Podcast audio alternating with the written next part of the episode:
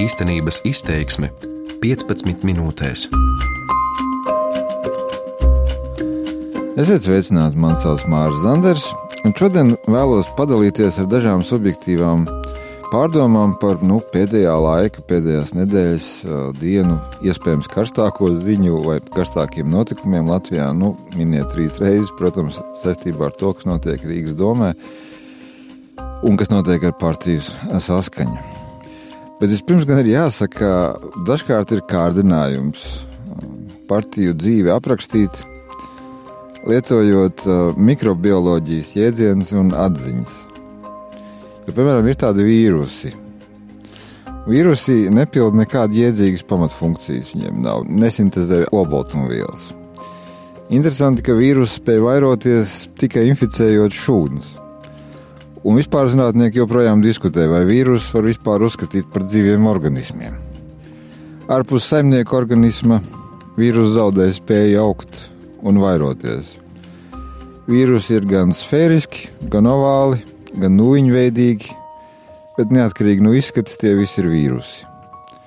Tā teikt, tas bija īsi un konkrēti par, piemēram, partijā saskaņā notiekošo. Ja neironizē, tad notikumi Rīgas domē un partijā saskaņa pēdējās nedēļas laikā ir diezgan pamatīgs pliķis politisko procesu komentētājiem, man ieskaitot. Jo šo gadu laikā mēs ar vienu esam bijuši gatavi sīki iztirzāt dažādus grupējumus vienotībā, pat šķetināt intrigas zaļajos zemniekos, kurš par ko un tā. Bet būsim godīgi, esam paslinkojuši kārtīgi pētīt saskaņu un tās elektorātu. Un nu vairums no mums mm, neko patiešām prātīgu par Rīgas rācinamā notiekošo pateikt nevar. Tam, protams, ir savi iemesli. Mm, es kā teikt, neataisnoju mūsu garīgo nespēju, bet nu, iemesls es nosaukšu. Saskaņa, kas nav bijusi valdībā nacionālajā līmenī, iespējams ir likusies vienkārši mazāk svarīgs spēlētājs nekā valdības koalīciju partijas. Un skaidrs, ka tāda attieksme nav pareiza, ja paturprātā Rīgas pašvaldības, Rīgas vietu, Latvijas ekonomikā, nu, Latvijas kultūrā, naudas plūsmās. Tas nav pareizi, bet šāds iemesls varētu būt. Vēl viens iespējams iemesls tādam interesu trūkumam ir sajūta, ka man kā tik tēlēni jāliek pēdiņas par viņiem, respektīvi saskaņa tāpat viss ir skaidrs, un tādēļ nav vērts tērēt laiku un tur kaut ko analizēt. Un atkal man jāsaka tā, ka šāda attieksme būtu saprotama no vēlētāju, kuri balso par citām partijām puses. Bet pētnieki vai komentētāji patiesībā tā spriest nedrīkstētu. Ko nozīmē, pa viņiem tāpat viss ir skaidrs. Jo gal galā arī pētnieki nevienmēr nodarbojas ar parādībām, kas pašiem subjektīvi patīkams. Īsi sakot, komentētāji, atkārtošu man ieskaitot, kā žargonā saka, ir aplauzušies, un mēs esam palaiduši garām veselu mikrobioloģijas sadaļu. Nosaukums katrs pats var izvēlēties, kuru. Līdz ar to, ņemot vērā, ka man zināšanas par saskaņu arī balstās tikai puslīdz regulāros kontaktos ar uz vienas rokas pirkstiem saskaitāmiem šī politiskā spēka pārstāvjiem, turklāt tiem, kuri ir saimā, saimnes deputātiem. Tālākajā es nepretendēju uz notiekošā skaidrojumu, izskaidrošanu un nākotnes prognozēšanu. Vienīgais, ko es varu kaut cik iedzīgi paveikt, ir mēģināt salīdzināt publiski redzamo Rīgas pašvaldībā un saskaņā nu, ar samērojamām situācijām, līdzīgiem modeļiem citās valstīs. Ja mēs atgriežamies pie tā, kāpēc, kāpēc ir aplausiens, tad, ja pareizi saprotu, viens no iemesliem publikas apmulsumam ir priekšstats, ka saskaņa, atšķirībā no daudzām citām Latvijas partijām, ir ļoti disciplinēta, kašķus uz āru nenes, un Nīla Ušakova formāla un neformāla ietekme ir nesatricināma. Un nu visi ir šokā, ka frakcijā Rīgas domē ir nesaskaņas, tiek izslēgti biedri, līdzīgi procesi notiekot arī Daugavpilī un tā. Un tad man jāsaka, ka arī šāda veida partijās, respektīvi, nu, kas ir tātad sevi spējuši pasniegt kā ļoti disciplinēts un tādas pilnu līderu partijas, arī šāda veida partijās vienprātība un disciplīna nav garantēta ilgtermiņā. Kā piemēru var minēt uh, Francijas Nacionālo fronti. Protams, tas ir mazliet pikants salīdzinot saskaņu ar Francijas Nacionālo fronti, bet nu labi. Uh, kas tagad ir pārsaukta par Nacionālo savienību. Nacionālo fronti 1972. gadā izveidoja Žans Marija Lepens, kurš savukārt no pagājušā gadsimta 90. gadu beigām viņš bija tad, nu, ne, nepārprotams līderis, vienīgais redzamais šīs uh, frontes politiķis. Tad, kurš kopš pagājušā gadsimta 90. gadu beigām gatavoja savu meitu, ko mēs tagad labi zinām, Marinu Lepēnu, par savu politisko mantinieci. Nu, uh, meituks mantojumu gan pieņēma, gan saņēma, bet, hei, beig beigās nolēma papucī vairs neklausīties. Un tas beidzās ar to, ka 2015. gadā mantiniece papuci vispār izslēdza no partijas. Traģikomiski, ka Marina arī kādu laiku loloja šo domu par mantinieci un tādu pat atrada.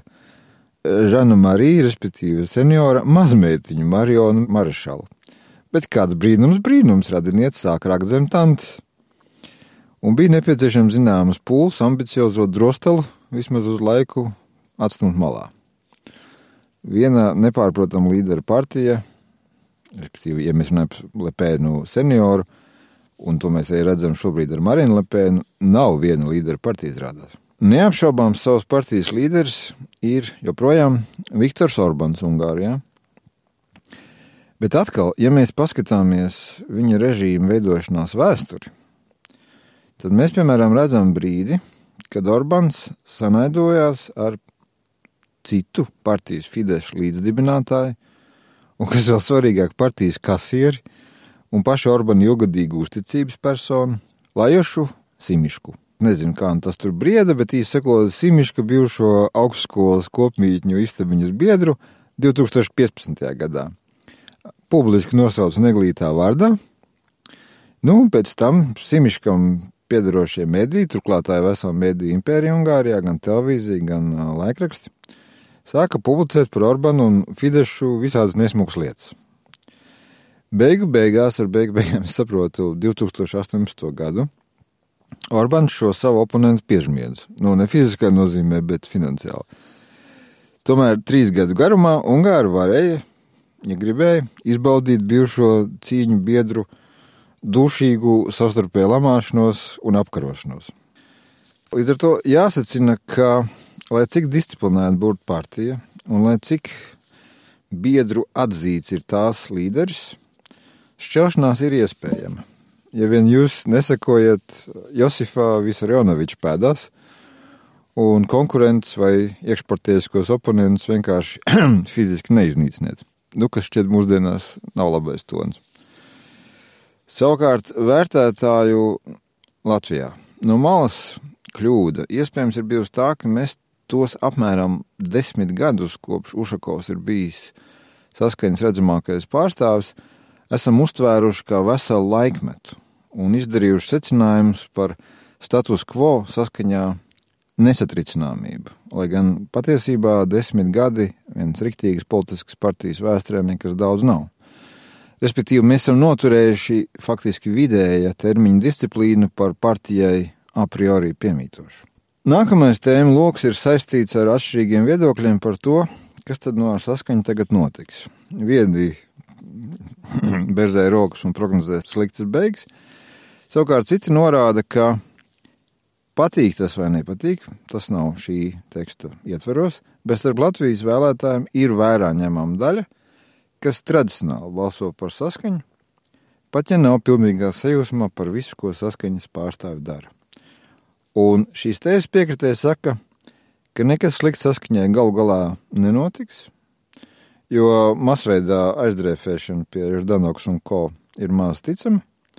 Savukārt par tā saucamajām latviešu partijām saskaņas elektorāts balsot nevar, tāpēc, ka nevar. Citiem vārdiem sakot, tā tēze ir, ka, ja ir stabila politiskā niša, partija, šajā gadījumā saskaņa, var justies droši.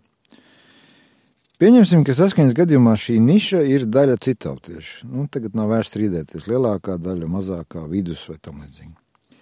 Un partijas, kas pārstāv kādā valstī, lielāku vai mazāku šajā valstī dzīvojošu etnisko vai reliģisko grupu, nav nekāds jaunums, tādēļ mēs varam paskatīties, kā šādām partijām sokas ar tātad politiskās kontrolas noturēšanu pār viņu, nu, viņu es šeit lieku, protams, pēdiņās, grupu, viņa elektorātu.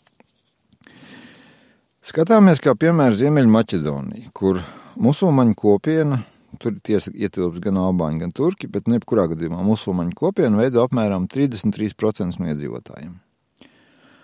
Un līdz zināmam laika periodam Tad valsts albāņu un turku minoritātes balsoja diezgan monolīti. Faktiski tur bija runa par vienu partiju. Tomēr šobrīd mēs redzam, ka parlamentā ir četras musulmaņas pārstāvošas partijas, turklāt ir dažādu vietu skaitu, sākot no desmit un beidzot ar divām. Un, protams, visticamākais, ka musulmaņu kopienai būtiskos jautājumos šīs partijas vienalga rīkojas koordinēti. Tomēr spektrs ir kļuvis raibāks. Savukārt Rumānijā Ungāru minoritāti vismaz nacionālajā līmenī kopš 1989. gada pārstāv viena partija - Rumānijas Ungāru Demokrātiskā alianse, kas attiecīgi vienmēr ir spējusi mobilizēt pietiekošu atbalstītāju skaitu vēlēšanās, tādēļ vienmēr ir iekļuvusi parlamentā un senātā. Tātad šie kontrols par vēlētāju līmeņu var būt dažādi, un acīm redzot, ir atkarīgi no tā, cik labas vai sliktas konkrētajā valstī ir attiecības starp valsts nāciju un minoritāti. Piemēram, Izrēlā tās ir tādas, kādas nu tās ir. Tādēļ, cik saprotu, vietējie arābi balsos, balso un balsos par savām partijām. Savukārt, uzlabojoties Basku reģionu attiecībām ar Madridi, ETA un tās politiskās pārna Batasuna lielā ietekme pār basku prātiem ir mazinājusies, un baski pēdējos gados balso vai nu par mērenākiem basku politiķiem, vai arī kādu no Spānijas nacionālā līmeņa partijām. Turklāt šeit nav runa par, par to, vai, vai etai un batasunā ir nopelni basku cīņā par savām tiesībām vai nav. Skaidrs, ka ir, bet vienkārši runa šajā gadījumā ir par to, ka laiks rit un situācija mainās. Citiem vārdiem sakot, nav gluži tā, ka saskaņas politiķi var darīt visu, kas vien tiem ienāk prātā, un saglabāt līdzinējo atbalstu. Bet nav arī tā, ka viņi nevarētu saglabāt kontroli par savu tradicionālo elektorātu. Respektīvi, nevajadzētu fantāzēt par to, ka nu, tur kaut kas tagad šķīdīs un bruks. Savukārt tas, ka šī teksta ietveros tika minēti dažādi citu valstu piemēri, nedaudz traģikomiskā kārtā varētu apstiprināt to, ka saskaņa nav nekas unikāls un Latvijas specifiskiem apstākļiem raksturīgs. Ja mēs atceramies, pats saskaņa vienmēr ir paudusi, ka tā ir normāla partija. Nu, tad ir laiks pienācis izbaudīt, ko tas nozīmē. Īstenības izteiksme 15 minūtēs.